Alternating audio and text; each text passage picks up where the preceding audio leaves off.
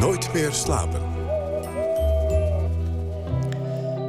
Ja, u bent terug bij Nooit meer slapen. Straks na één uur hoort u taalkundige Wim Daniels over de columns van Annie M.G. Schmid. Krijgen we tips over kerstverse boeken van Katja de Bruin. En bellen we met onze schrijver van de week. Dit is uh, de laatste keer dat hij een bijdrage levert, Maarten Doorman. Maar eerst tot aan één uur praten we met ontwerpster Pieke Bergmans. Bergmans, 36 jaar, brak door met haar serie Crystal Virus en vestigde bliksemsnel haar naam als vormgever, ook internationaal. Ze exposeerde van Milaan tot Tokio en is momenteel Brazilië's Designer of the Year. 22 augustus opent de tentoonstelling Freeze Pieke Bergmans Design in het Noord-Brabants Museum in Sertogenbos. En dat is dan haar eerste museale solo-tentoonstelling in Nederland met een selectie uit haar oeuvre. En ze heeft die uh, tentoonstelling ook zelf vormgegeven. Welkom Pieke. Um, eerst even dit. Designer, ontwerper, uh, bekende naam, een bekende titel. Maar wat moeten we ons precies erbij voorzien? Je kan van alles uh, ontwerpen. Hè? Een, een, een, een, servies, een kookpan, een, een, bankstel. Wat ontwerp jij? Nou, wat mij betreft uh, allemaal. maar over het algemeen ben ik een hele vrije, van de, van een, een vrije soort. Dus ik, ik maak um, producten die eerder gaan over de beleving dan over de functionaliteit. Ja, dus het zijn ook eigenlijk geen producten in die zin, het toch? Zijn het zijn inderdaad veel meer objecten. Ja, ja, klopt. Maar ze zijn wel gerelateerd aan gebruiksvoorwerpen. Ja. Dus dan ja, kan je nog steeds praten over stoelen en lampen en nou, dat soort producten. Alleen inmiddels ja, krijgen ze eerder het woord of de benaming zoals lichtinstallatie of een zitobject. Ja, het is, je maakt geen lampen die, uh, die in, in, in een Finex-woning aan het plafond hangen. Nee, nog niet. Nee. Waarschijnlijk ook nooit. Nee. Kan nog komen. De eerste keer dat ik je werk onder ogen kreeg, moest ik ontzettend denken aan een lachspiegel. Omdat uh, je, je, eigenlijk uh, werkt met dingen die we kennen, vormen die we kennen. Uh, lampenkappen waarvan we weten dat daar een peertje in zit. Alleen is het peertje dan totaal vervormd. En ik heb er geen ervaring mee, maar ik stel me zo een LSD-trip voor... dat, dat de vormen zo uh, verdwijnen en uitrekken en vervormen en je verrassen. Is dat een goede omschrijving? Ja, ik denk het eigenlijk wel, ja. Want ik probeer altijd wel een beetje... Een soort wereld op te zoeken waarin iets niet is wat het, wat het lijkt. Ja.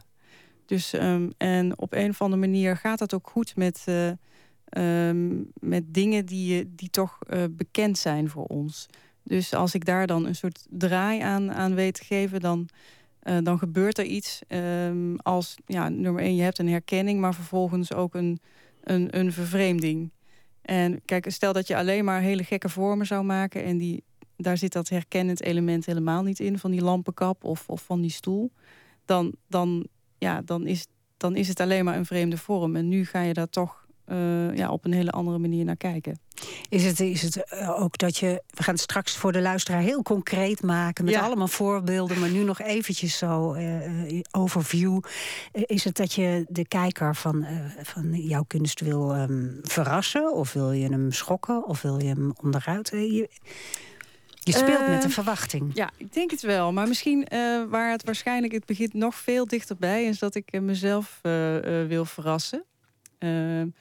Um, ja, als ontwerper, uh, zo, zo ben ik in principe ook uh, opgeleid uh, om, om iets, iets op papier te zetten, een tekening. laten we zeggen, ontwerp een stoel. En dan ga ik met mijn potlood een stoel ontwerpen. Maar ik, ik raakte daar heel erg snel door verveeld. omdat dan alles uit mijn eigen hoofd moet komen. En op een bepaalde manier vind ik dat misschien niet interessant genoeg. Dus zodoende ging ik op zoek naar, naar werkplaatsen en... Uh, liet ik me gewoon verrassen op, op dat moment. Dus ik ging kijken van, oké, okay, wat doen mensen daar? Hoe doen ze dat daar? Wat voor werkplaatsen dan? Ja, dat is eigenlijk heel erg uiteenlopend. Maar ik heb ontzettend veel met glas gewerkt. Um, ja, omdat glas is natuurlijk een, een soort plastisch vloeibaar materiaal. En dat, echt, dat ontstaat soort van in het moment. Vertel even ook weer ja, glas, uh, hoe dat gemaakt wordt. Ja, hoe het gemaakt wordt. Um, ja, het is heel erg ouderwets met, uh, ja, met, met zware ambacht. Ehm, dus je hebt een, meestal een master glasblazer en een aantal assistenten. En het ligt er dan, aan als je, of je dat bijvoorbeeld in Nederland doet of je doet dat in, in uh, Italië. Uh, in Italië heb je een eilandje Murano en dat is daar enorm bekend om. Heel beroemd glas, ja. Heel beroemd glas, ja. Hand, mond geblazen. Uh, en die master die, die, die heeft ongeveer wel een idee van hoe hij het glas bijvoorbeeld moet gaan opbouwen. En die assistenten die, ja, die, die ondersteunen hem eigenlijk fysiek. Dus je hebt een blaaspijp, dat is een hele lange stalen pijp. En die dompen je eerst in een, in een, in een bak met ja, heet vloeibaar glas. En die rollen dus aan het einde van die pijp daar een soort hoopje glas aan. En dan vervolgens gaat die, uh, de masterglasblazer gaat met zijn hand... met een stukje nat uh, krantenpapier. Dat is allemaal heel erg primitief. En dat vind ik trouwens ook echt ja, altijd toch nog wel heel fascinerend daar, daaraan.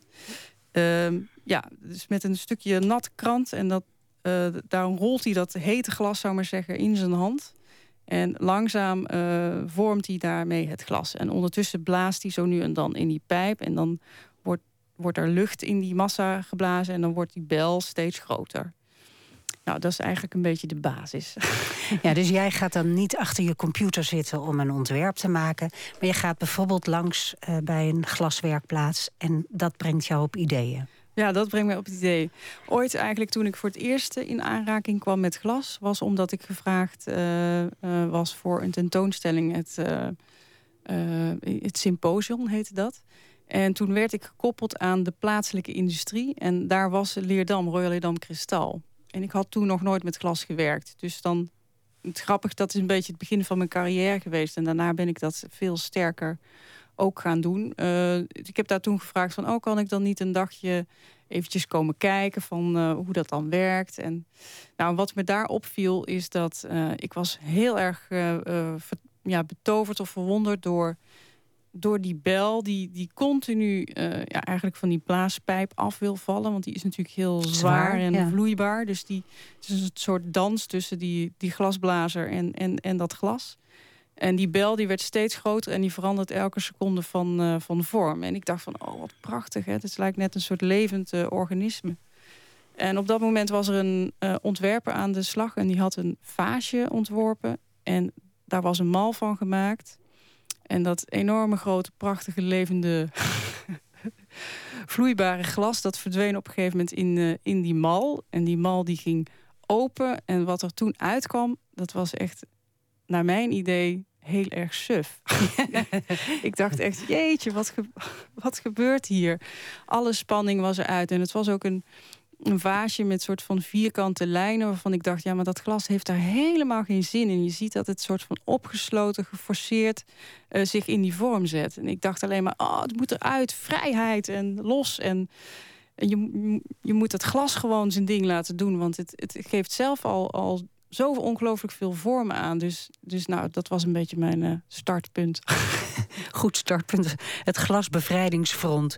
Je bent, je bent uh, objecten gaan maken van glas. Bijvoorbeeld een soort blubachtige dingen die je dan op een ander ding zet. Dus een, een draadstoel met daarin een soort ineengezakte blub van glas.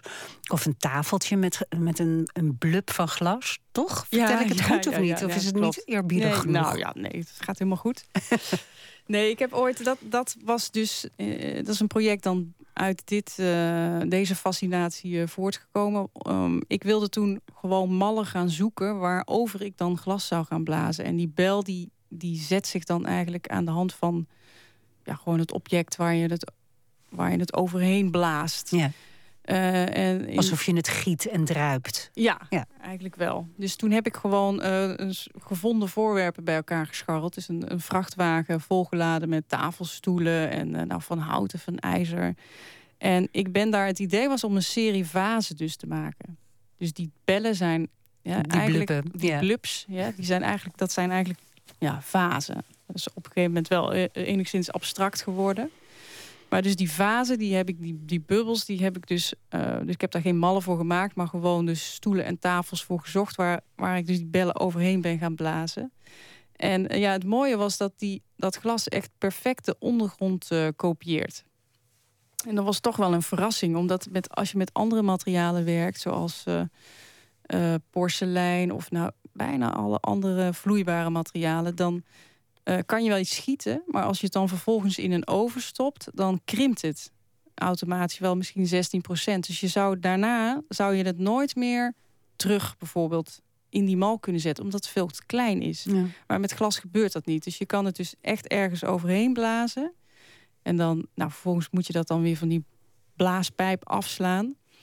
En dan, als het dan weer uit een oven komt, hè, dat duurt dan weer dagen, dan kan je het gewoon weer terugzetten. En het past precies als een puzzeltje, dus op die stoel of tafel waarover je het geblazen hebt. Nou, dat, dat is wat je gedaan hebt. Dat is daar, sommige objecten daarvan zijn ook te zien op de tentoonstelling in Den Bosch.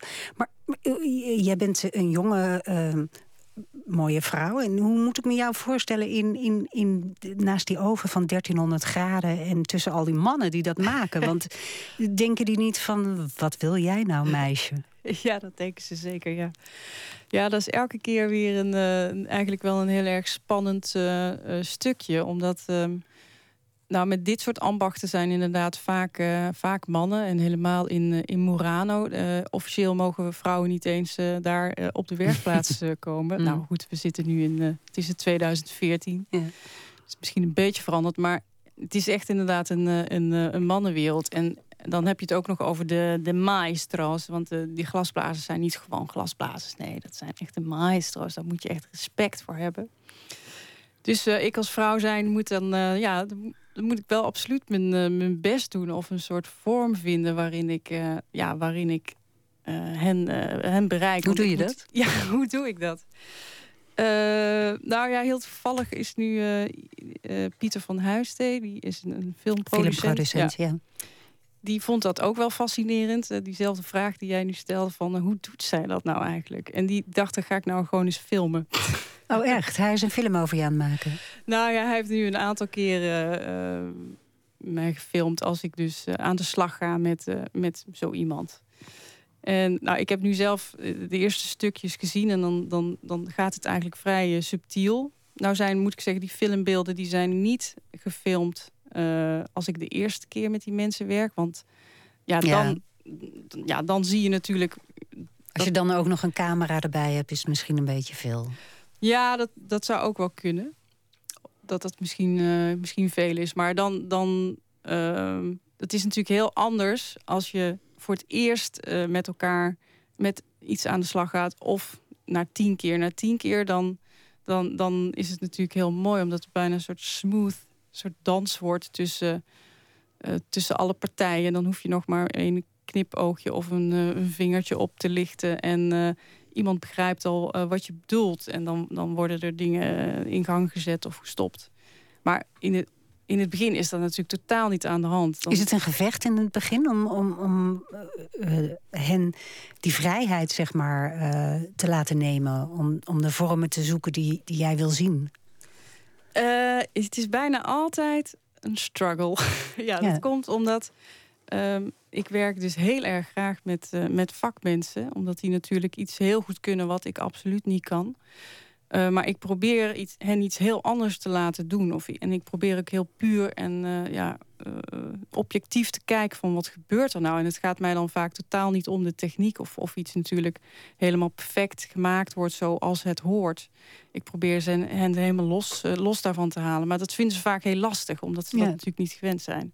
Dus ik moet ze ergens wel een beetje gaan verleiden. Van nou, oké, okay, ik weet dat het misschien, misschien wel kapot barst. Of, maar weet je, dat proberen toch maar. En als dat dan gebeurt, dan nou, geen probleem. Of en ik moet hen dan ook proberen ja, langzaam maar zeker te laten zien van, van waar ik naartoe wil. En dat dat dus ja, voor mij uh, interessant is. En dat zien ze natuurlijk vaak uh, niet. Of, of in ieder geval in het nee, want zij willen dat ze dat de hoekige vaasje maken. ja, ze willen dat ja, perfecte ding maken. Ja. Maar goed, en dat, dat is waarschijnlijk wel een, uh, ja, een soort van heel fascinerend traject. En ik kan zelf natuurlijk niet zo goed uitleggen van hoe dat dan werkt. Maar nee over het algemeen uh, ja, kom ik daar wel uit. Alhoewel ik nu net ook een samenwerking heb gehad met een, uh, met iemand waarbij dat absoluut niet werkte. Nee, waarvan je echt denkt van nou, hier moeten we mee ophouden. Ja. Je, die, die vrijheid uh, die je zoekt in, uh, in, in het proces ook. Hè?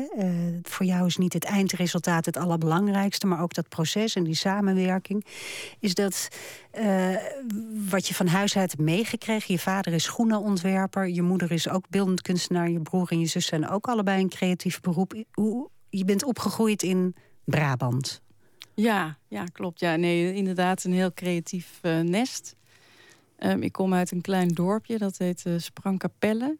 En um, um, dat is inmiddels gemeente Waalwijk. En dat is de schoenenindustrie. Dus mijn hele familie is uh, one way or the other. Uh, op een of andere manier hebben ze met schoenen te maken. Ja, ik las dat je opa nog een schoen voor Picasso heeft gemaakt. Ja, inderdaad. Zelfs, zelfs dat, ja. Ja, die heeft hij opgestuurd. Een soort zebra-schoen. Nooit meer iets van Picasso gehoord. Maar vervolgens stond hij daar wel prachtig mee, eh, mee in, de, in de krant met zijn nieuwe Brabantse stappers. Ja.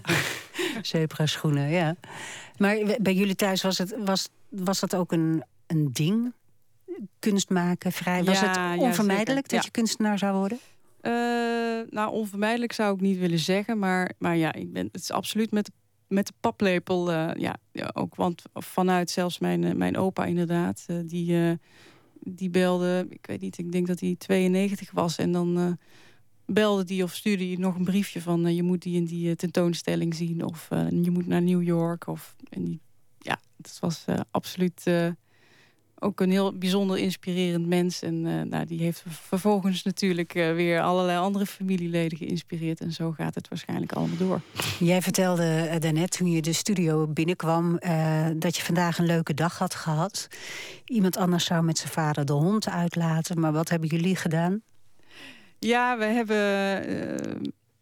mijn vader die heeft een, een object gekocht van Theo Jansen en uh, dat object heet een, een, strandbeest. Hij heeft zelfs een uh, officiële naam, maar die ben ik even vergeten. Animalis nog iets. En Theo Jansen, ja, het is gewoon een heel erg uh, mooie man... die maakt van alles van elektriciteitsbuizen. En in dit geval dus beesten die over het strand lopen. En daar zit dus helemaal niks, geen... Techniek? Nee, geen mechanica in. zijn alleen maar buisjes gevouwen en en dan op de wind uh, gaat hij wandelen. Dus uh, we hebben vandaag... Uh, Theo heeft dus het strandbeest op een grote aanhangwagen gesleept. En toen hebben we hem uitgelaten op het strand in, in Den Haag. Ja, en dat was fantastisch. En uiteindelijk is hij dus naar, naar Brabant vervoerd. Ja, dat, dat is niet wat iedereen met zijn vader doet. Heb je, heb je van hem iets meegekregen wat jou heel erg leidt in jouw kunst? Uh, ja, van mijn vader en van mijn moeder. Ik denk allebei. Ja, mijn vader die is uh, echt een industriële vormgever. Dus een, een schoenenontwerper um, voor de ja, echt uh, producten. Ja. En mijn moeder is kunstenaar, die is natuurlijk heel vrij. En ik zit ergens volgens mij ertussenin. Met mijn vader ging ik vroeger wel eens op stap. Dus we gingen um, S ochtends uh, maakte hij mij uh, wakker van... Uh, oh, ga je niet mee vandaag naar, naar Italië? En dat vond ik dan natuurlijk wel heel erg spannend. Dus Daar moest hij schoenenzaken doen waarschijnlijk. Ja, hij moest dan... als schoenontwerper moet je dus ook naar de fabrieken... en dan moet je kijken wie wat eventueel voor je kan maken... of, hoe, of die productie bekijken of begeleiden. En dat was dan veelal in Italië of in Spanje of Portugal. En uh, nou, als dan een jong meisje, dan uh, meldde mijn moeder me af en toe uh, ziek op, op school. En dan ging ik stiekem mee. En dan kon ik kijken wat hij nou eigenlijk deed, want die man die was zo vaak weg. Maar zelf, zelf had je op je, op je 27ste volgens mij al een plekje in Milaan op de, op de allergrootste ontwerpersbeurs. Ja, ja dat klopt. Ja, ja. Nee, ik, heb, ik heb in uh, Londen gestudeerd, Royal College of Art, een uh, master gedaan. En even kijken, hoe zit dit nou? Oh nee, dat heeft daar inderdaad niks mee te maken. Nee, ik heb een. Uh, daar, daar is dus die beurs geweest, Salone del Mobile. Mm En ik heb toen op een of andere manier een keer een plekje daar kunnen, kunnen confisceren om, om daar zelf te gaan uh, staan uh, tijdens die expositie. En dat was overigens met die Crystal Virus. Dus dat glaswerken waar ik zojuist uh, ja, over wat op, op andere objecten stond. Ja. En uh, nou ja, dat, dat hebben we toen tentoongesteld. En uh, ja, dat was gewoon een enorme, enorm veel belangstelling voor. Ik kan me nog herinneren dat we hadden, volgens mij, ik weet het niet meer duizend visitekaartjes uh, laten maken. Maar daar waren we dag één al doorheen. maar het is een ongelooflijk succesverhaal dan eigenlijk... voor een meisje van, van 6, 27. Ja, dat eh, was absoluut uh, ja, vrij extreem. het was absoluut booming. Waarschijnlijk ook omdat Milaan op dat moment was... Ja, nog heel erg ja, op die producten ingesteld. Het al, al een hele mooie Italiaanse design door ja, gerenommeerde merken en bedrijven. En ik ging daar toch ja, veel anders, veel vrijer uh, in staan. Uh, en heb dus als, ja, ik was natuurlijk gewoon een piepkleine organisatie die, uh, mm -hmm. ja, die uh, op een of andere manier ja, zich toch zelfstandig wist te presenteren. En toen daarna dacht ik van, oh nou, dit was wel fantastisch, moet ik volgend jaar weer doen. Dus toen heb ik dus de de eigenaar van het pand gevraagd of ik het dan een jaar daarna weer kon huren. En toen uh, heeft die uh, man gezegd van, uh, nou dat kan niet, want iemand anders gaat het gewoon, het is niet meer te huur voor, voor, voor zo'n weekje. Je, maar je kan het wel voor het echtje huren, gewoon een jaar lang. Toen dacht ik, jeetje, ja, dat is natuurlijk een heel ander verhaal. maar why not? Dus toen ben ik bij in het diepe gesprongen. Dus toen heb ik, ja, natuurlijk was dat voor mij heel veel geld, ook destijds. En, maar dat was een, ja, een investering die, die wel heel erg waardevol is gebleken. Ja, want je hebt geëxposeerd in, in, in Tokio, overal over de wereld. je bent nu Brazilië's beste ontwerper van het jaar. Of was het vorig jaar? Ja. Dus ja. Het, je, je carrière heeft een enorme vlucht genomen. Is dat, is dat goed als je zo jong bent? Oeh, is dat goed als je zo jong bent? Uh, nou, het kan ook lastig zijn. Ja, ja, nee, het is ook zeker soms wel, uh, wel heel lastig.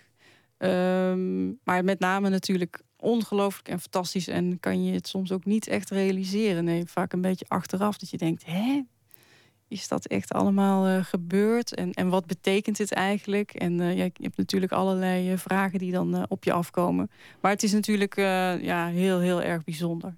Met name ook omdat je dan in ieder geval dat vind ik er erg fijn aan, is dat je, dat je het ook in beweging zet en dat je het op die manier natuurlijk ja, de wereld ziet en, en allerlei mensen en culturen ontmoet waarmee je vervolgens weer mag werken. En ja, het was voor mij het allergrootste goed. Is het niet moeilijk om dan die vrijheid te blijven behouden? Word je niet steeds nerveuzer over wat er van je verwacht wordt? Ehm, Nee, dat geloof ik niet. Want volgens mij, wat dat betreft. Uh, je gaat dan met de tijd wel steeds meer herkennen van waar je naar op zoek bent. Want ik zie mijn ontwerpen sowieso als een soort onderzoek of, of soort groeien of studeren. Gewoon steeds verder uh, in je eigen ontwikkeling. Uh, ja, dus op een gegeven moment zie je juist wel een beetje een soort rode draad. En dat trouwens, over de tentoonstelling mm -hmm. gesproken. Uh, bij het Noord-Brabants Museum. Um, ik heb wel veel in musea geëxposeerd, maar niet een solo tentoonstelling nee, in het museum. En dit ja, heet dan een, een soort overzicht tentoonstelling, wat natuurlijk een beetje overdreven is voor iemand van 36. Maar goed, ze noemen het zo. Uh, maar voor mij is het natuurlijk wel, ik vind het wel spannend als je zo meteen dus die verschillende projecten bij elkaar in één ruimte ziet. Want ja, ik vergeet soms ook van, oh ja, heb ik dit gedaan? Oh, inderdaad, ja. En oh, ah. Wat is ah. de rode lijn die je zelf uh, ontdekt als je daar zo rondloopt? Ja, nu met die tentoonstelling, die heet dus Freeze. En die hebben we zo genoemd, omdat uh, uiteindelijk bij de meeste projecten die ik gedaan heb, werk ik toch met, zoek ik naar materialen waar een soort die ik in beweging kan zetten, letterlijk. Dus die, die gaan als het ware aan, aan de gang, aan de slag. Die, die zoeken zelf allerlei vormen op. En, en ik zeg dan als soort regisseur: freeze. En nu stop en hier en dit is het en klaar. En nu moet je even stilgezet worden. Nou, wij kunnen het resultaat gaan bekijken in het Noord-Brabants Museum in Den Bosch. Vanaf 22 augustus tot volgens mij half januari of zo. Hè? Een flinke tijd. Ja, ja, inderdaad. Hartelijk dank voor je komst uh, naar Hilversum, Pieke Bergmans en veel succes verder. Wij zijn er na ene weer, onder andere met een nieuw verhaal van Martin Dolman... met Wim Daniels over de paroolcolumns van Annie M.G. Schmid... en met Katja de Bruin met boekentips. Dus blijf luisteren. Tot zo. Op Radio 1, het nieuws van alle kanten.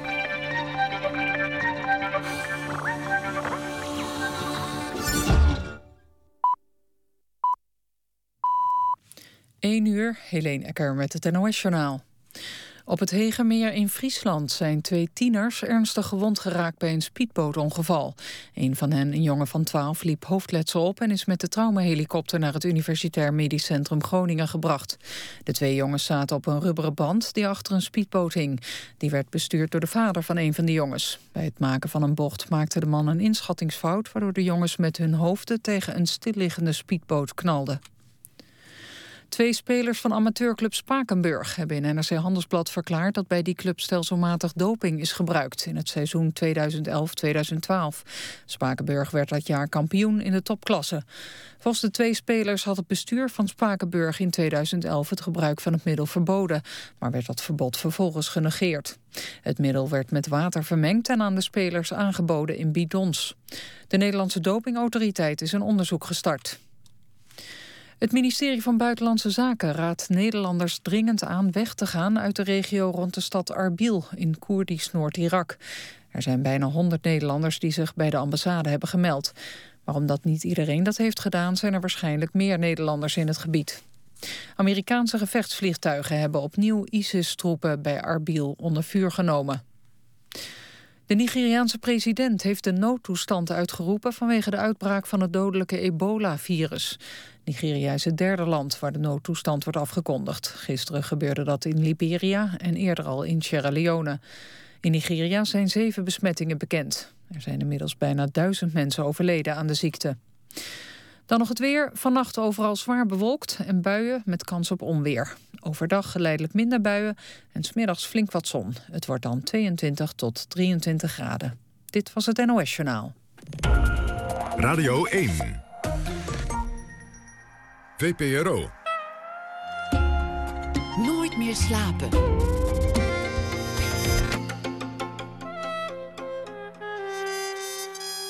Met Lotje IJzermans. Welkom terug bij Nooit meer slapen. Straks uh, kunt u luisteren naar taalkundige Wim Daniels. Hij heeft het over Annie M.G. Schmid en haar paroolcolumns die hij uh, uh, bundelde. En ook straks een uh, nieuwe aflevering van Plots. Maar we beginnen dit uur, zoals gebruikelijk, met een schrijver of dichter die middels fictie reageert op het nieuws. En deze hele week hebben we dat gedaan met wetenschapper, filosoof, essayist, dichter en schrijver Maarten Doorman. Auteur van bundels als Kloppendheden en Blinde Gangster. En boeken als Art in Progress, De Romantische Orde en Paralipomena. Maarten, wat inspireerde jou vandaag? Dag Lotje. Ja, het, het, het, er is altijd veel nieuws, zelfs uh, zomers. En, en de vraag is, wat, wat gebruik je voor een verhaal? En ik had in het begin een beetje eh, moeite deze week om mijn draai te vinden. Maar mhm. langzamerhand, uh, ik, uh, op dag drie dacht ik, ik schrijf gewoon een klein kort verhaal naar aanleiding van. En dat, dat, werkt, dat pakte eigenlijk wel goed uit. Ja. En vandaag heb ik een verhaal geschreven dat heet Aardappelen. Aardappelen? Uh, ja, en dat gaat eigenlijk, het is naar aanleiding van twee dingen. Ik las de laatste dagen nogal veel over uh, allerlei uh, vervelende verdrinkingen aan de Nederlandse kusten. Ja, klopt. Ehm, en ik las gisteren ook een stuk in de Volkskrant over de prijs voor aardappelen. Die mm -hmm. zo extreem laag is, omdat er zoveel aardappelen worden verbouwd. Dat zul je altijd zien. Eerst heb je te weinig aardappelen. Dan gaan een heleboel mensen een heleboel aardappelen verbouwen. Ja, dan heb je te veel aardappelen, gaat de prijs weer omlaag. Ja. Uh, nou ja, zo is er nog van alles aan de hand. Uh, maar dat waren een paar aanleidingen om een verhaal te schrijven dat aardappelen heet. Het maakt me heel benieuwd, want ik zie zelf niet direct een link tussen die afschuwelijke verdrinkingen en die aardappelen. Dus ik zou zeggen, ga uh, het verhaal voorlezen, Maarten. Aardappelen. Castor Pomian liet het warme zand door zijn tenen lopen. Hij had zo lang over zijn blikje bier gedaan dat het te lauw was om verder op te drinken. Wat ben ik blij dat het twee minuten over half vijf is, zei de DJ op de radio. Castor Pomian staarde naar drie kinderen in de vloedlijn met een opblaasbroodje. Door de zon had de zee geen enkele kleur. Het was de week van de nummer 1 hit. Ik hoop dat we droge ogen houden, want dit is een emotioneel plaatje, hoorde Castor Pomian op de radio. Een jongetje sloeg woest met een pegel op het water. Twee kinderen zwommen met het bootje de zee in. Nog tien minuten, dan nam hij een duik. Hij was een goede zwemmer. S ochtends had hij zijn moeder gebeld. Alles ging goed, zei ze. Bijna te goed. Er kwamen te veel aardappelen. Hij zag zijn moeder staan, gebloemd schort, de hand gekromd over de houten rug van de keukenstoel. De bruine vlek met de haar in de hals. Veel aardappelen levert weinig op, zei ze. We werken hier voor niks. Nu te koop, hoorde Castor Pomian. Is het niet naar je zin, dan krijg je gewoon je geld terug. Tegen de zon in zag hij een tak in de golven. Het leek wel een hand. Een enorme hit, hij is niet stuk te krijgen. Het zand was zo dun dat het tussen je vingers doorliep. Het was als water. Droog zand leek meer op water dan het natte zand uit zee, dat maar traag uit de samengeknepen vuist droop. De kinderen aan de vloedlijn speelden een opgewonden spel. Ze schreeuwden en zwaaiden en steeds meer ouders deden mee. Er stopte een auto van de strandwacht. De hele maand ontvang je hoge kortingen. Profiteer. Castor Pomian zag zijn moeder. Ze keek uit het raam. Haar hand klauwde op het hout van de leuning. Hij kon niet horen wat ze zei. Mooi, Maarten. Ja, um, ja, die, die, die, die, ze zeggen aan de ene kant dat het die buitenlanders zijn... die, die niet gewend zijn aan de Noordzee, die uh, verdrinken. Ja. En aan de andere kant zeggen ze... Uh, het zwemmenonderwijs is uh, slecht geworden. Ik denk, er Ja. zijn zoveel problemen in de wereld... en zoiets simpels komen ze niet met een eenduidige verklaring. Dat vind ik nou een beetje een tegenvaller. Ja, ja, maar ik, het is natuurlijk altijd zo. Dat zie je ook eh, in je eigen huis. Dat de meest simpele problemen zijn eigenlijk de meest ingewikkeld. Grote problemen, daar heb je altijd wel een oplossing voor vanuit de verte. Maar eh, dat kleine gedoe rondom, hoe dichterbij, hoe ingewikkelder, toch vaak. Ja, jij zegt het, ik weet het niet. ik denk dat het toch wat simpeler op te lossen is... dan, dan een ebola-virus of, een, of de ISIS of zo, ja. Nou, kennelijk niet. Eh, dat zou je zeggen. Maar eh, ik had zelf, toen mijn kinderen wat kleiner waren... dacht ik dat heel Nederland vergeven was van de zwemles. Ik werd er helemaal gek van. ja.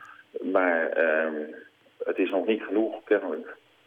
Hoeveel diploma's hebben jouw kinderen?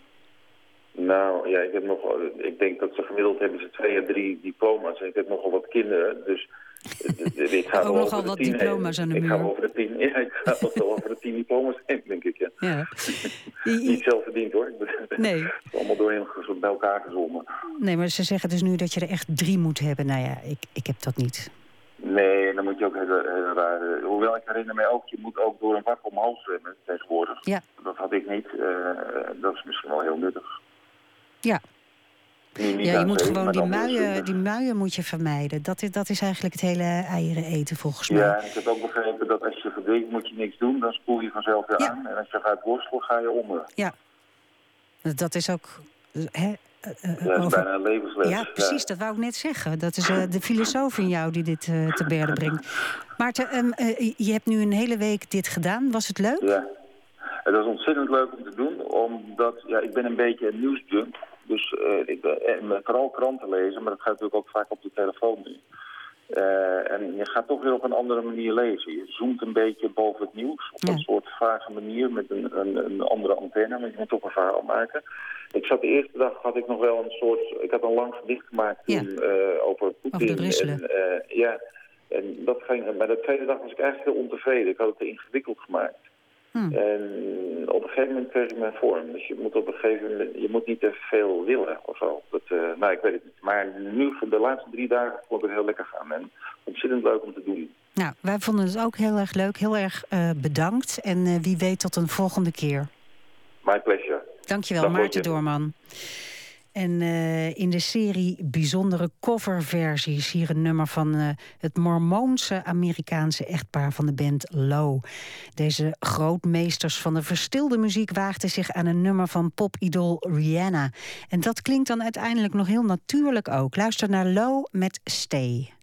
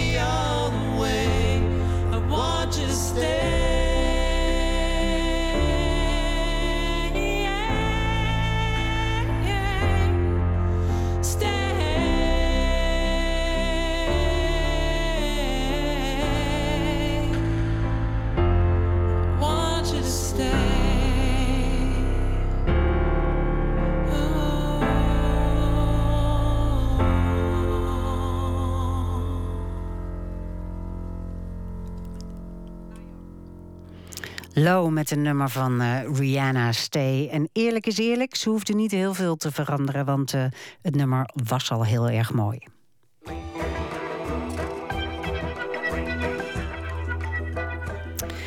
Annie M.G. Schmid is vooral bekend van haar kinderboeken en musicals. Maar ze schreef ook columns in het Parool.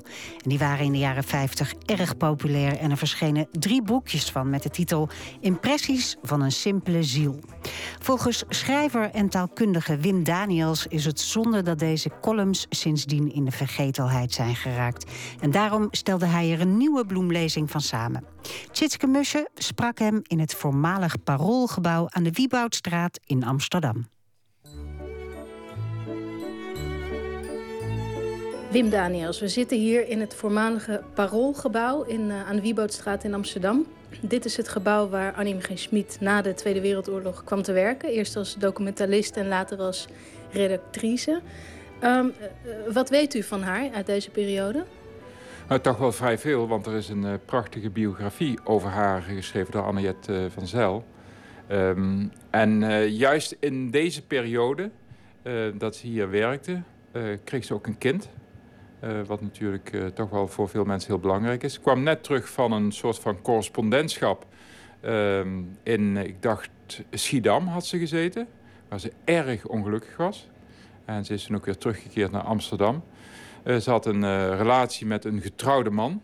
En dat was ook niet eenvoudig. Of gewoon zij er wel aardig mee omging. Maar die man van haar, dat was steeds lastiger. Vooral naarmate zij meer succes kreeg. Dat zie je wel vaker bij mannen, geloof ik.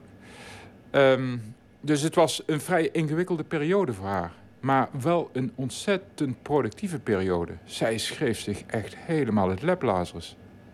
Ja, want die begin jaren 50, of, of uh, is het begin jaren 50, eind jaren 40, begin jaren 50, kwamen ook de eerste kinderboeken uit. Ja, ja en, en die waren heel succesvol. Want ze schreef enorm veel voor, uh, voor kinderen. Uh, korte, korte teksten waren dat vaak.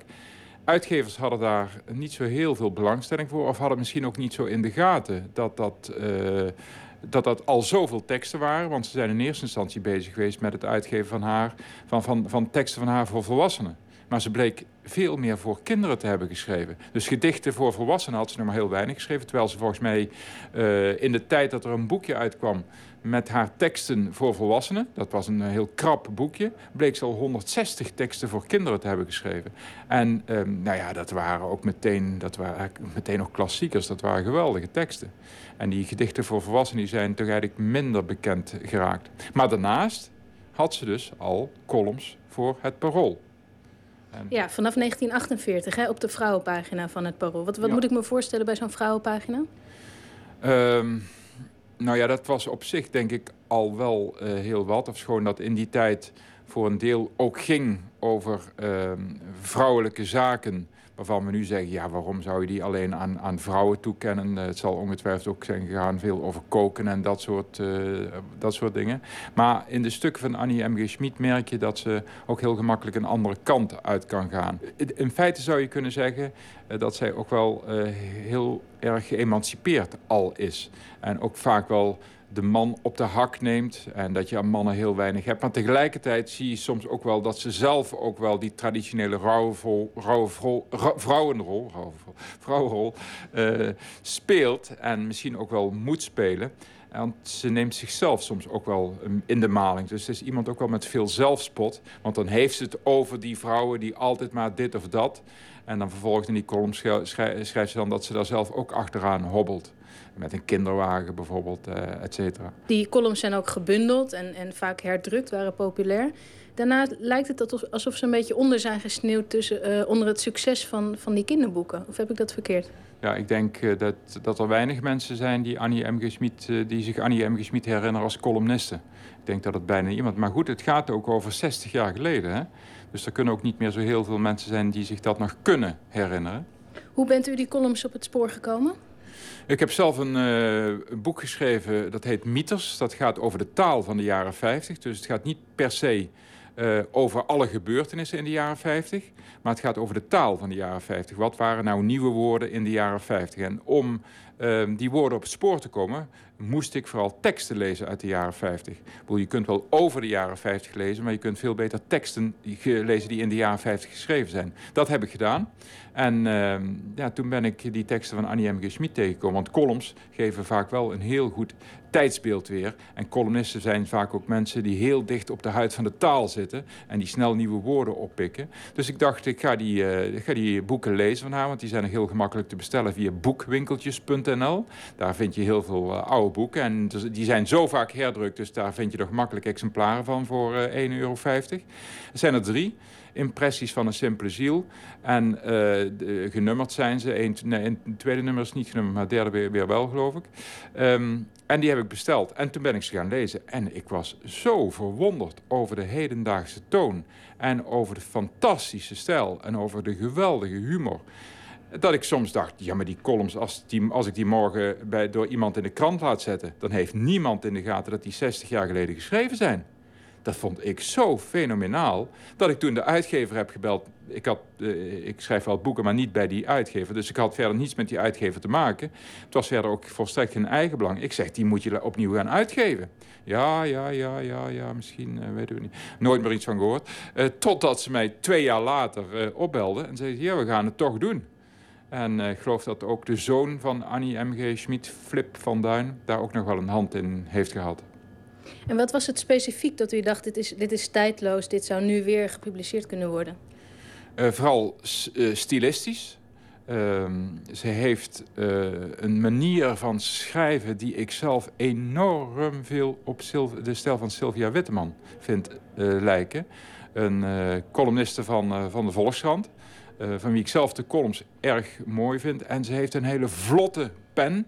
Dus, dus, ze heeft ook typische, uh, typische zaken. Bijvoorbeeld de lezer rechtstreeks aanspreken in het begin van een column, een vraag stellen.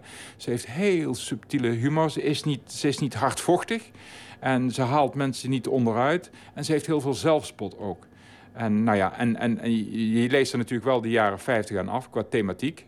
Uh, vrouwen komen veel aan bod. Mode was toen een, een, belangrijk eh, thema. Mobiliteit was een belangrijk thema. Het komt allemaal wel terug, maar zodanig gepresenteerd dat je het gewoon kunt lezen als een tekst van nu.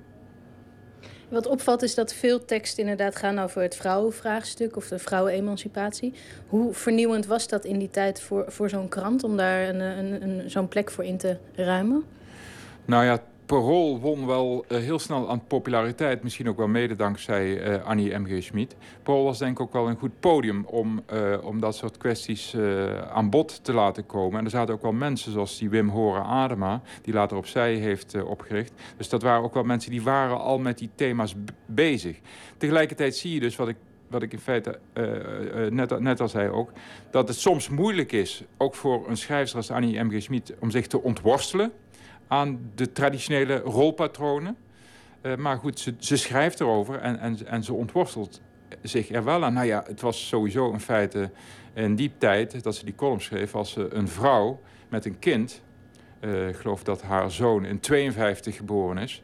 die ergens op een, op een kamer woonde of in een ruimte woonde... zonder dat de vader permanent aanwezig was. Dat was voor die tijd natuurlijk sowieso al heel opmerkelijk. Was ze zowel geliefd bij mannen als bij vrouwen? Um, ik denk het wel. Ze neemt mannen wel heel vaak op de hak. Maar ze pakt ze ook weer niet heel hard aan. Dus als je, als je het leest als man... dan denk je niet van... ja, god, dat was echt een mannenhaat. Totaal niet. Maar eh, ja, ze, ze, ze, geeft natuurlijk terecht kritiek op hoe mannen zich soms gedroegen. En vooral ook uh, hoe mannen vrouwen aanspreken. Ze verplaatsen. Ze, is ook wel een beetje een soort van uh. Die in Amsterdam af en toe in een parkje gaat zitten. En dan op een heel traditionele, lullige manier door een man aangesproken wordt... die met een praatje met haar wil, beginnen. En dan beschrijft ze dat. Maar het is nooit zo dat ze die mannen echt helemaal wegzet of afzeikt. Die, die, die, kwaadheid had ze gewoon niet in zich. Nee, het is eigenlijk vrij lieflijk, hè? Ook wel vergeleken met columns van, van nu. Misschien zelfs al in vergelijking met Sylvia Witteman. Die kan nog wel iets bijtender zijn af en toe. Ja, Sylvia Witteman is wel bijtender, maar die, neemt, die heeft er geen moeite mee om, om haar eigen zwakheden uh, tentoon te spreiden. Eh, bij haar vind ik ook altijd dat het toch vooral zelfspot is, waardoor het heel verdraaglijk is. Je hebt ook heel veel columnisten en cabaretiers die schoppen eh, en slaan wild om zich heen. En alles, is, alles is slecht, behalve zijzelf. En dat heeft Annie M. Niet. Dat heeft uh, Sylvia Witteman, vind ik zelf ook niet. Ik denk, ik, ik geef in mijn inleiding geef ook aan dat zij een goede tafeldame zou zijn. Bij de Wereld of net waar. En dat ze dan af en toe, uh, zonder mensen heel erg tegen zich in het harnas te jagen, zou kunnen zeggen: onzin wat je nu vertelt. Maar dat wordt dan zo geaccepteerd gezegd dat je dat prachtig uh, zult vinden. Jammer dat ze er niet meer is. Ga fijn mee zeilen, zeiden mijn kinderen hartelijk. Nee, dank je, zei ik. Net zo hartelijk, want ik dacht aan mijn jeugd. Toen ik nog pril was, zeiden de mensen ook... Kom, ga mee zeilen in de vakantie. Heerlijk, veertien dagen op de Friese meren. Ha, ja, dacht ik toen. En ik zag het voor me als op een plaatje. Blauwe meren en wind en zon en een wit bootje... en mezelf slank en rank met een zeilbroek in het wand. Maar ten eerste regende het alle veertien dagen. Ik werd zo nat dat ik elf en een halve maand nodig had om weer op te drogen. Ten tweede was ik zo onhandig. Ik zat altijd op een touw dat ze net hebben moesten... en waaraan ze weer zo nodig moesten trekken. Ten derde kwam er altijd het moment dat ze riepen... Pas op, we gaan gijpen. Hé, dacht ik, wat is dat ook alweer? Gijpen, zou het leuk zijn? Maar voor ik kon bedenken wat het ook alweer was... kwam er iets met een ontzaglijke dreun tegen mijn hersens. Dat was dan de giek of de gaffel of de giekel of de bakslag... hoe het ook mag heten. En wanneer ik daarna wezenloos lag te zieltogen op de bodem van een schip... dan riepen ze kwaad... Suffert, we hebben het nog zo gezegd. We hebben toch geroepen, hij gaat gijpen. Alleen als het heel hard regende, dan hoefden we niet. Dan gingen we naar een bevriend landhuis... waar ze urenlang Bach op de grammofoon speelden. Heerlijk Bach, zeiden de anderen. En ik zei ook, ja, heerlijk Bach. Diep in mijn hart vond ik het net twee rechts, twee averechts... en net drie toeren verspringen... Maar ik heb het nooit durven zeggen. Zoals ik ook nooit durfde te zeggen dat ik dat zeilen ergens diep in mijn hart zo akelig vond. Wat is dat toch eigenlijk een nadeel van jong zijn? Je wordt altijd meegetrokken in het zog van je omgeving en je moet allerlei vaststaande dingen heerlijk en mooi vinden. Pas als je ouder wordt, en dat is een van de goede dingen van ouder worden, dan kom je ergens op een rustpunt terecht waar je breed uit kunt gaan zitten. En eens eerlijk mag gaan bedenken wat je wel of niet mooi vindt. Dan mag je zeggen, ik hou niet van zeilen. Ik hou niet van Bach. En wel van de Tristrash Polka. En van abrikozen op sap. En van lekker zitten met de poes op schoot. En niet van T.S. Eliot. Daar dan. En dan zegt de omgeving... Ah, maar dat kan je dan niets meer schelen. Zo'n tekst zou er nu ook uh, zou, zou, nu in de krant kunnen staan. Je hoeft, niks, je hoeft er niks aan te veranderen. Ja, wat ook nog opvalt is, ze klaagt een beetje. Of ze zeurt af en toe. Ja, ja, dat doet ze wel, maar dat lijkt ze te spelen. Maar een mooi voorbeeld is uh, uit een column van haar... Het leven zou nog nader zijn dan het uit zichzelf al is... wanneer wij niet dagelijks onze dosis illusies toegediend krijgen in capsules en dragees. Ergens anders schrijft ze: Het leven is een ramp met veel troost. Laten we het daar maar op houden. Dan valt het altijd nog een beetje mee. Dus ja, het was allemaal niet zo prettig, maar dat speelt een beetje. Je hebt dat als columnist ook wel nodig. Hè? Je hebt uh, soms een soort van achterstand nodig om ergens over te kunnen schrijven. En die achterstand is in haar geval dan het uh, klagen over het ellendige bestaan. En dat gaat er niet over andere mensen, dat gaat dan in haar geval, en dat vind ik mooi, over haarzelf, over haar eigen leven. Maar bij dit soort motto's zou je toch denken van dat zou, die, die, die, die zouden zo weer opnieuw uh, op de markt in de markt gezet kunnen worden. Of die kun je boven je spiegel hangen of zo. Dat zijn van die quotes die. die het is jammer dat je ze nooit meer hoort. maar goed, uh, Annie M. Schmid gaat ze nu terugbrengen. Ik denk dat mensen uh, door het uit, heruitbrengen van die columns van haar... een andere Annie M. Schmid leren kennen. De schrijfster van volwassen teksten, teksten voor volwassenen. En dat daar misschien inderdaad wel veel tegel, te, tegeltjeswijsheden uit voortkomen.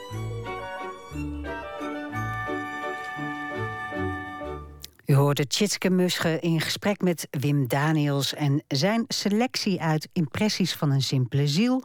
werd uitgegeven bij um, Querido. Nooit meer slapen. Muziek nu. Van de man die uh, rookbommen op het podium liet ontploffen... en met vuren en doodskisten in de weer was... ver voordat Alice Cooper of Ozzy Osbourne dat deden... namelijk al in de vroege jaren 50. Het bekendst werd hij natuurlijk met I Put a Spell on You... gecoverd door de Creedence en Nina Simone. Maar hier is hij met The Whammy, Screaming Jay Hawkins.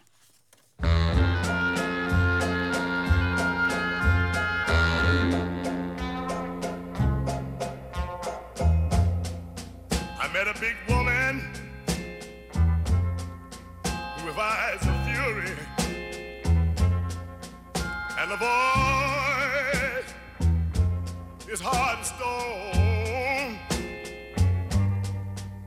Said she'd get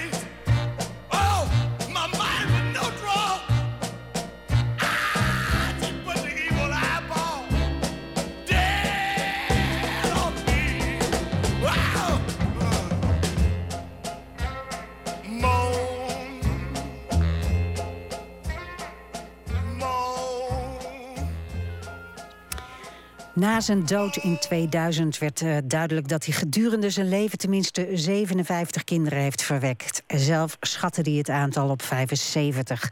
Dat schrijft Wikipedia over Screaming Jay Hawkins. U hoorde hem hier met The Whammy. En iedere vrijdag bellen we met een smaakmaker van de VPRO... die ons dan even bijpraat over nieuw verschenen werk... in zijn of haar vakgebied. En vandaag bellen we met Katja de Bruin, boekenredacteur van de VPRO-gids. Katja, hoe gaat het? Het gaat heel goed. Mooi. Ik heb veel gelezen. Ja? Ja. Ja, eh, vakantietijd is natuurlijk de periode waarin uh, tal van mensen eindelijk eens aan een boek toekomen. Maar jij leest gewoon altijd. Je hebt nu ook alweer nieuwe boeken gelezen voor ons. Ja, ik dacht, ik, uh, ik ga moeilijke boeken doen. Want iedereen heeft in de vakantie natuurlijk thrillers gelezen. En, en Herman Koch en andere lekkere boeken. Dus ik heb nu een paar boeken die misschien iets meer inspanning vergen. Maar gelukkig wordt dat meestal beloond. Althans, ik denk dat dat in het geval van de titels die ik nu wil noemen zo is. Nou, vertel. Ik, heb een, uh, ik begin even met een boek uh, van iemand van uh, wie de meeste mensen waarschijnlijk nooit gehoord hebben. Ik had in ieder geval nog nooit van haar gehoord. Grace McLean heet ze. Ze heeft een debuut geschreven, dat heb ik niet gelezen, maar dat is heel goed ontvangen in 2012. En uh, dat is toen eigenlijk uh, dat is gekozen tot een boek van Richard en Judy. Dat is een soort opera-achtige boekenclub in Engeland die heel populair is. En uh, dit is haar tweede roman, maar die is eigenlijk geschreven voor dat debuut. Dat is een beetje ingewikkeld, maar ik ga het even toelichten. De deze roman die las ik omdat ik uh, zag dat Hilary Mantel hem heel goed vond. En het leek mij niet iemand die dat zomaar zegt. Ik dacht, nou, dan is het vast de moeite waard. En dat bleek ook zo te zijn. Het is een heel wonderlijk uh, boek over een professor in de poëzie. Dat is ook de titel van de roman, Professor in de poëzie.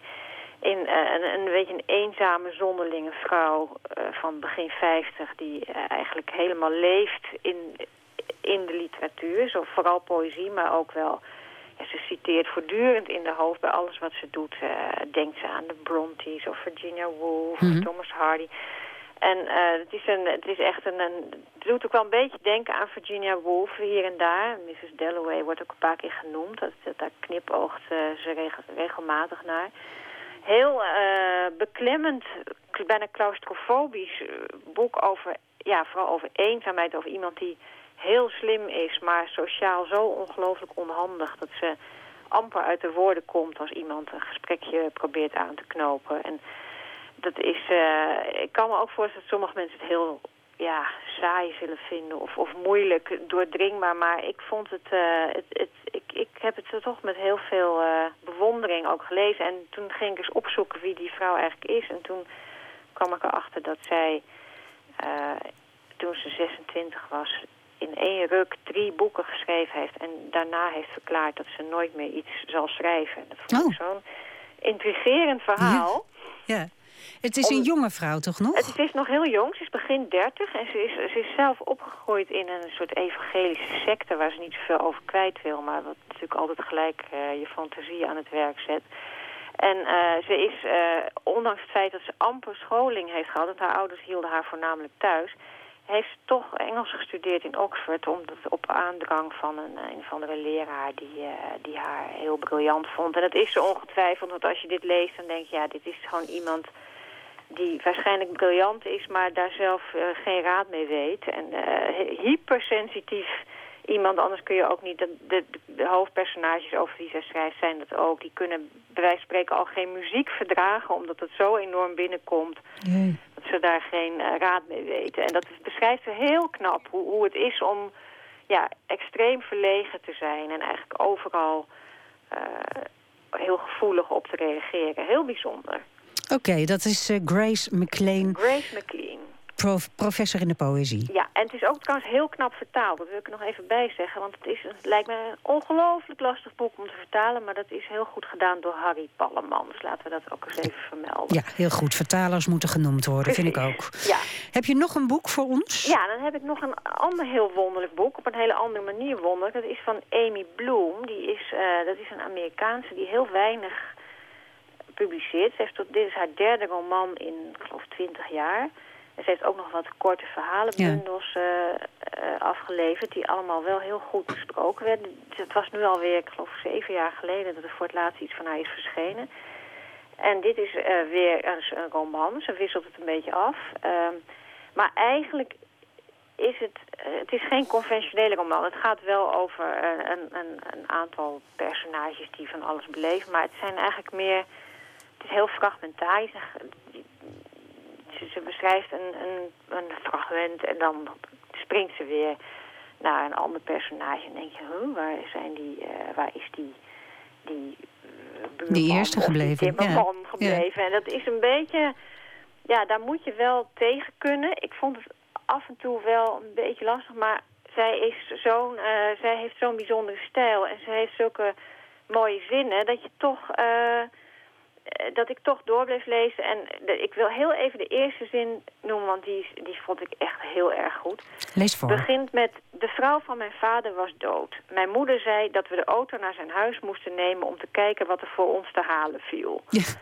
Nou, dat vond ik echt een... dan denk je toch wel gelijk van, wat gaat hier gebeuren?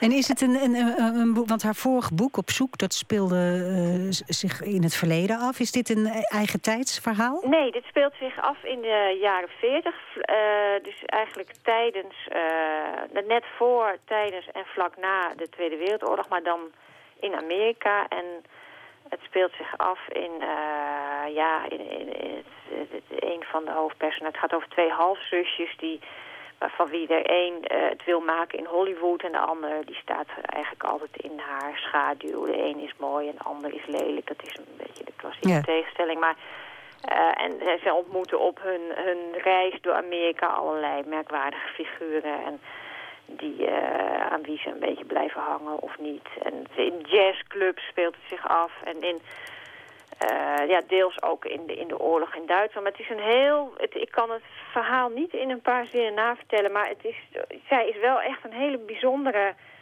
uh, schrijfster. En het moet, die sfeer deed mij een klein beetje denken aan die films van de Coen Brothers. Dat je het eigenlijk niet zo heel veel uitmaakt of je het nou wel echt snapt waar het over gaat. Want het, ja, het is zo knap gedaan. Het is echt een, ja, heel komisch ook vaak. Dus je moet gewoon meedijnen. Precies. Niet proberen om het te snappen en gewoon genieten van de, de mooie de sfeer die ze oproept. Nou, het klinkt ontzettend goed, dus dat gaan we lezen. Grace McLean, professor in de poëzie... en Amy Bloom, Wij Geluksvogels. Ja. Hartelijk dank, uh, Katja. Katja de Bruin van de VPRO, Giets literair medewerker. En uh, wij gaan luisteren naar muziek. Naar een uh, broer en een zus, Angus en Julia Stone uit Perth, Australia. Hun nieuwe cd, vol zoetgevoiste hippie folk, heeft geen titel. Wij draaien Wherever You Are.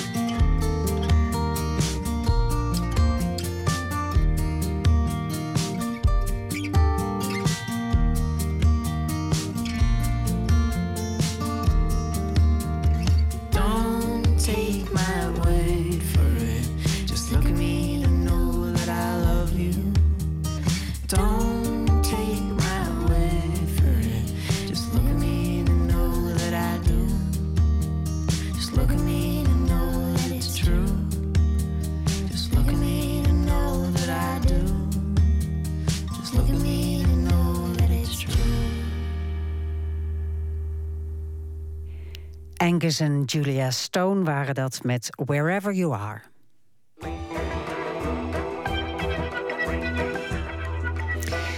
En deze maand herhalen we wonderlijke, ware verhalen uit de prijswinnende VPRO-radioserie Plots. Aflevering 18 had als thema Halve Waarheden over het genot en de gevolgen van leugens en zelfbedrog. Als Karin de Tunesische Yamen ontmoet, krijgt ze te maken met een cultuur waarin anders aangekeken wordt tegen leugens. In veel sociale situaties is de waarheid vertellen taboe en liegen de enige manier om respectvol met elkaar om te gaan. Luistert u naar Witte Leugens, een verhaal gemaakt door Laura Stek.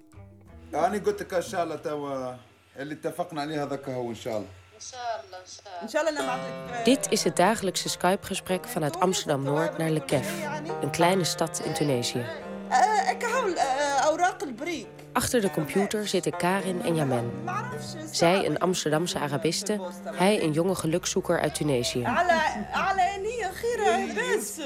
Ze praten met Yamens moeder over iets wat de vader niet mag weten. Ik zei, we sturen hier een beetje geld voor, want ze heeft een probleem met haar ogen. Maar dat mag ik niet zeggen, want dan hoort de vader het. En dan denkt hij misschien dat we hier een zak geld hebben die hij ook wil hebben. Hij hoeft niks te, te weten. Dan doemt de vader opeens op in het beeldscherm.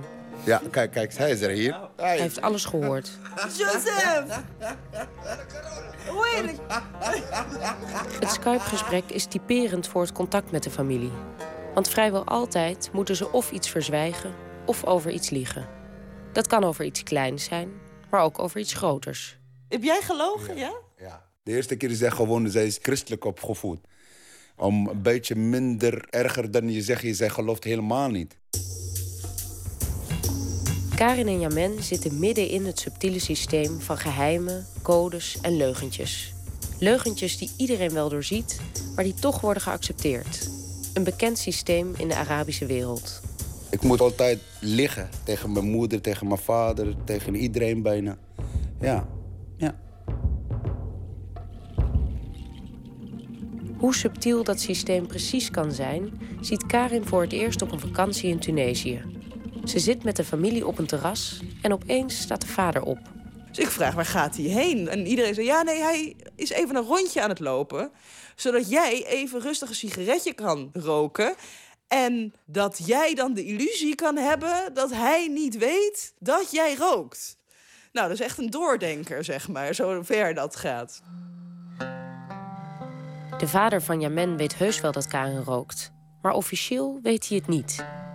De constructie met het wandelingetje is verzonnen omdat Karin als vrouw niet openlijk kan zeggen dat ze rookt. In de Arabische cultuur is echt moeilijk om de waarheid te vertellen soms. Dat geldt ook tijdens officiële gebeurtenissen, zoals bruiloften. Het is gebruikelijk dat het jonge paar de nieuwe uitzet toont aan de gemeenschap. Maar veel mensen hebben helemaal geen geld, dus ontstaat er een probleem.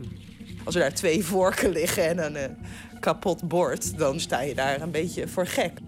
En voor gek staan, dat wil niemand. Dus wat er echt heel regelmatig gebeurt, is dat mensen spullen gaan huren die ze helemaal niet hebben. Maar dat is alleen maar om te zorgen dat die bruiloft klopt en dat het mooi staat. En dat iedereen kan zeggen, oh, een oe en a. Niemand zegt iets als de geleende magnetrons, bankstellen en koelkasten weer naar de winkel worden gebracht. Want de zogenaamde witte leugens moeten kosten wat kost in stand worden gehouden.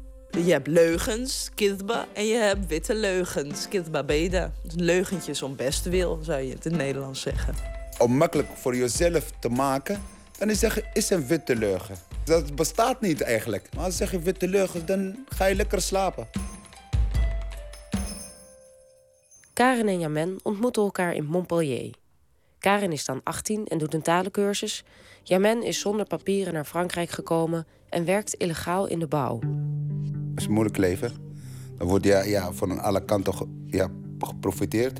Ik werk bijna 12 uur, 13 uur per dag, maar dan krijg ik 30 euro per dag. Ja, was het echt moeilijk hoor. Moeilijke periode, ja. Nou. Jamen had in Tunesië dagelijks te maken met kleine leugentjes. Maar als illegaal in Frankrijk krijgt hij te maken met grote leugens. Als iemand de vraagt, ik zeg ja, ik heb papieren. Maar ja, dat heb ik niet. En als die uitkomen, heeft het vergaande consequenties. Ja, dan word ik naar Tunesië gestuurd. Dan krijgt Jamen een ernstig ongeluk tijdens een van zijn bouwactiviteiten. Maar zomaar naar een ziekenhuis, dat kan niet. Als ik zeg, ik ben Jemen, ik, heb, ik ben illegaal en ik heb niks... dan gaan mij niet opereren. Daarom krijgt hij de papieren van zijn neefje, Hassan. Ik was gewoon heel bezorgd. Het was een hele heftige operatie. En eh, ik zei gewoon automatisch af en toe, hoe gaat het, Jemen? En toen zei hij meteen, de dokter staat daar. Ik heet Hassan. Op een gegeven moment, ik, sta op. Ze hebben mij nog een keer een prik gegeven van een ander verdoven. Op een gegeven moment, ik zit gewoon bijna te slapen. Zegt de dokter, is de Hassan, rustig, rustig. Ik zeg, ik ben geen Hassan, ik ben Jemen. Dan word je helemaal wakker van je leugens. Als ze komen achter, dan heb ik echt grote problemen. In het ziekenhuisbed zijn leugens de enige manier om te overleven. Maar zelfs in die situatie moet hij niet alleen tegen de Franse instanties, maar ook tegen zijn eigen familie liegen. Als er vreselijke dingen met hem gebeurden, dan zei hij dat gewoon nooit. Gewoon permanent niet. Mijn moeder een keer, ze heeft mij gebeld en dan zegt hij, hoe gaat het met je? En ik lig gewoon in het ziekenhuis. Ik zeg, mijn gezondheid is goed, ik, ik heb geld, ik werk goed, er is niks aan de hand. Ik heb er ook eens ruzie over gemaakt. Dat ik zei van zeg, ik ben de enige hier die het ziet. En ik ben je nu aan het helpen. Maar je hebt toch ook wel andere mensen, je hele familie die, die je al je hele leven kent. En waarom wil je die daar niet mee lastigvallen? Als ze horen dat heb ik operatie of gaat helemaal niet goed met mij, dan raak ik echt in een paniek. In wat voor erbarmelijke omstandigheden Jamen ook verkeert, voor hem geldt. Liever niks zeggen. Want ik ben bang dat ik ga mijn moeder pijn doen. En dat wil ik niet, dan wordt het erger. Karin gaat na haar talencursus terug naar Nederland en besluit dat Jamen naar Amsterdam moet komen. Ze gaat hem zelf halen. We hebben een soort van vrijheidstocht gedaan. Met mijn moeder naar Zuid-Frankrijk gereden. En hem letterlijk op de achterbank uh, gelegd. Heeft, is hij steeds onder een dekentje gedoken. Uh, als we zo'n grens overgingen. En dan was het, yes, België. nou ja, zo echt. Ja, eerlijk gezegd, wordt het een beetje spannend. Maar is gelukt. Is gelukt, ja. ja. Jamen is in Nederland. Maar dan begint het gevecht met de Immigratie- en Naturalisatiedienst, die Jamen een paspoort moet verstrekken. Er moet bewijs van hun liefde worden verzameld in een dossier. Maar voor de IND is de kale waarheid net niet genoeg. We zaten echt te zoeken en uh, te kijken van nou laat die brief met die vreselijke ruzie, laat die maar even zitten, weet je wel. Laten we maar even de goede liefdesbrieven doen. En inderdaad, ik heb ook wel eens een paar fotootjes gemaakt, extra, als extra bewijsmateriaal. Om het zo mooi mogelijk aansluitend uh, verhaal van te maken, ja. Het paspoort is binnen. Eindelijk heeft Jamen de status van volwaardig burger. Niet meer verstoppen, niet meer liegen. Maar dan is er zijn familie nog. Nog geen dag nadat het paspoort binnen is, krijgen ze een telefoontje uit Tunesië. Je moet die trouwen, je moet die trouwen, het is tijd om te trouwen nu. Op een gegeven moment ik zeg, weet je wat, ik ga gewoon een feestje houden. Zoals als iedereen gewoon een koek kopen en uh, even, weet je, iedereen uitnodigen voor mijn trouwrijdag. Maar ik ga niet uh, echt trouwakte, weet je, tekenen. Wettelijk gezien uh, zijn we in geen enkel land getrouwd, nee. nee.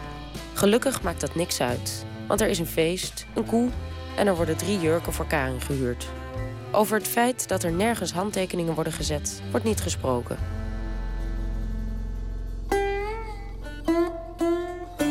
Terug in Amsterdam Noord. Karin en Jamen zijn nog steeds aan het skypen. Ik ga even de camera draaien, want anders kan ik geen slokje bier nemen. Dat is disrespectvol. Inmiddels, na tien jaar relatie met Jamen en dus ook een beetje met zijn familie, is Karens verzet tegen de witte leugens verdwenen. Waarom?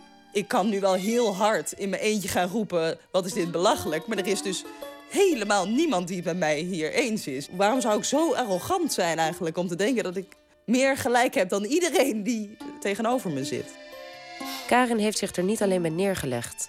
Ze ziet zelfs de goede kanten van het systeem het mooiste vind ik dat het voortkomt. De reden dat iedereen dat doet, is niet om lekker tegen elkaar te liegen, omdat ze bang zijn voor elkaar, maar om respect te tonen voor elkaar. Omdat ze mensen niet willen kwetsen, omdat ze voortdurend nadenken over hoe zal dat aankomen bij de ander. Als reden vind ik dat wel mooi. Dat is echt een etikette. Daarnaast is er natuurlijk nog een praktisch voordeel. Het is een cultuur van groot sociale controle. Dus als dat de situatie is, dan is het gewoon een manier om vrij te zijn om die leugentjes te vertellen. Als je, je maakt jezelf ontzettend moeilijk om maar de hele tijd te gaan roepen wie en wat je allemaal bent. Maar ja, men ziet het anders. Je wordt oud en ga je, weet je, meer denken. Dan zeg je, waarom eigenlijk? Wat is de reden om te liggen? Omdat hij in het Westen zoveel heeft moeten liegen en zijn identiteit verborgen heeft moeten houden, heeft hij een allergie ontwikkeld. Ik weet het niet. Ik ben persoonlijk op een gegeven moment, ik voel me helemaal zat van. Dat ken ik niet meer. Ik moet me, weet je, me echt gezicht laten zien. Zelfs voor de leugens waar hij zelf mee grootgebracht is. Dat is de negatieve kant van een cultuur. Ja, men zou er het liefst mee willen afrekenen. Maar of dat mogelijk is? Maar mijn vader, ik moet tegen hem liggen. of een probleem. Een van de twee, of liggen of probleem. Ah, wat zie je. Eh? Wallah, je moet schassen.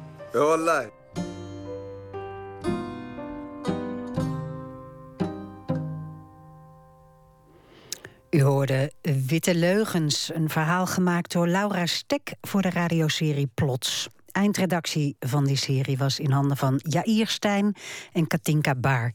En als u meer verhalen wil horen over leugens en zelfbedrog, surf dan naar de Plots website vpro.nl slash plots. We gaan nog even luisteren naar muziek van de allermooiste film die er op dit moment in de bioscopen te zien is. Boyhood namelijk, een aanrader echt voor iedereen.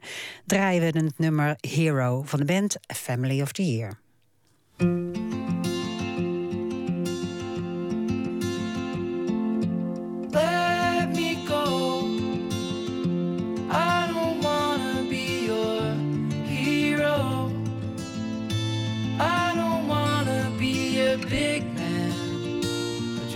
Fight with everyone else. Your masquerade. I don't wanna be a part of your parade. Everyone deserves a chance to walk with everyone else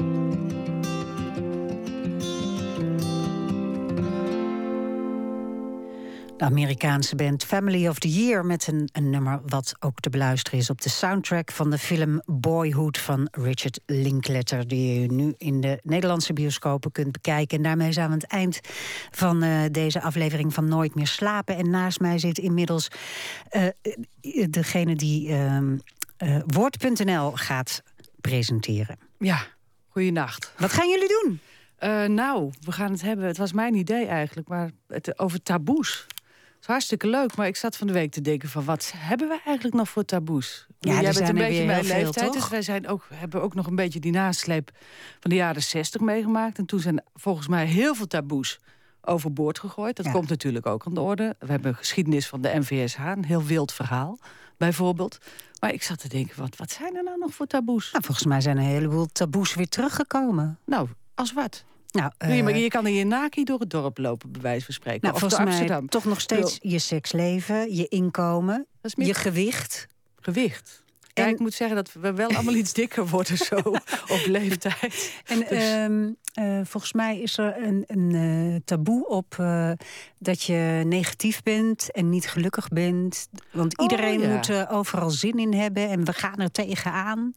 En ja, zo. dat is wel dat is een beetje Amerikaans ook. Hè? Ja. Dat van eh, optimisme, we moeten het maken, we kunnen het maken. En als je het niet, dat is eigenlijk ook wel een beetje doorgecijpeld in onze maatschappij. Als we het niet maken, is het je eigen schuld. Ja, dan ben je toch een beetje een sukkeltje. Overigens, volgende week gaat het woord over geluk. Oké, maar deze gaat het week ook dus over, ongeluk, taboes. Ja, nee, deze week gaat het over En, taboes. dus, en welke taboes zijn er nog meer in woord te horen? eh, nou, alleen zijn is ook zo'n taboe, hè? Ja. En, en, Slager, mag ik één tartaartje? Oh my god. Of alleen naar een huwelijksfeest is ook zo leuk. Er is een hele leuke over het huwelijk tussen Camilla en eh, Charles. Want dat was natuurlijk in Engeland een enorm taboe. Zij was de paardenkop en de ro roodweiler. En ze had Diana helemaal, de heilige Lady Di, helemaal ongelukkig gemaakt. Eh, racisme zit erin. eh, polio niet in in dat hele verhaal van religie. Want taboes hebben natuurlijk heel veel te maken met cultuur en religie. Vrouwenbesnijdenis zit er een verhaal in. Misbruik in de katholieke kerk. Hè? Dat is natuurlijk Ja. ook een taboe. Zowel eh, onder de tapijt geveegd door de kerk... als wel dat mensen dat heel moeilijk vinden om erover te praten. En eh, ja, vloeken. Hè? We gaan allemaal luisteren, zo direct woord.nl. Dankjewel. Op Radio 1, het nieuws van alle kanten.